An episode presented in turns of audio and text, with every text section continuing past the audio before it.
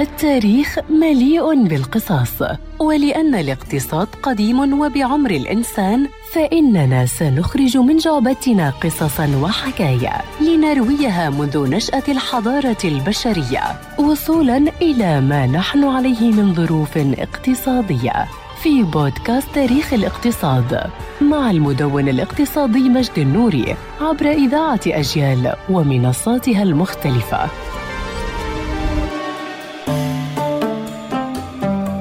وصلنا معكم في الحلقة السابقة إلى ختام أزمة الثمانينيات التي انتهى معها عصر القطب الثاني المتمثل بالروسي والذي عنى بذلك انتهاء الحرب الباردة المستمرة لعقود مرهقة. ولكن هذه الثمانينيات انتهت وهي تحمل الكثير من السياسات النقدية التشددية خوفا من عودة التضخم في المستقبل المنظور لتأتي الفوائد المرتفعة والقيود على الاستثمار ولتنخفض معها الإيرادات والعوائد وذلك مع انخفاض ثقة المستهلك وعدد الشركات العاملة نتيجة ارتفاع أسعار النفط عام 1990 وبعد الإفراط في الإنشاءات في الثمانينيات بدأت التسعينيات بانخفاض ملحوظ فيها وليستمر هذا الركود حتى عام 1994 حينما عاد الناتج الإجمالي العالمي للنمو إلى طبيعته نوعا ما. بل إن هذه الحالة الاقتصادية دفعت إلى استقالة رئيس الوزراء الكندي آنذاك وخسارة جورج بوش الأب لحملته الانتخابية الثانية ولتهدأ الأوضاع حتى عام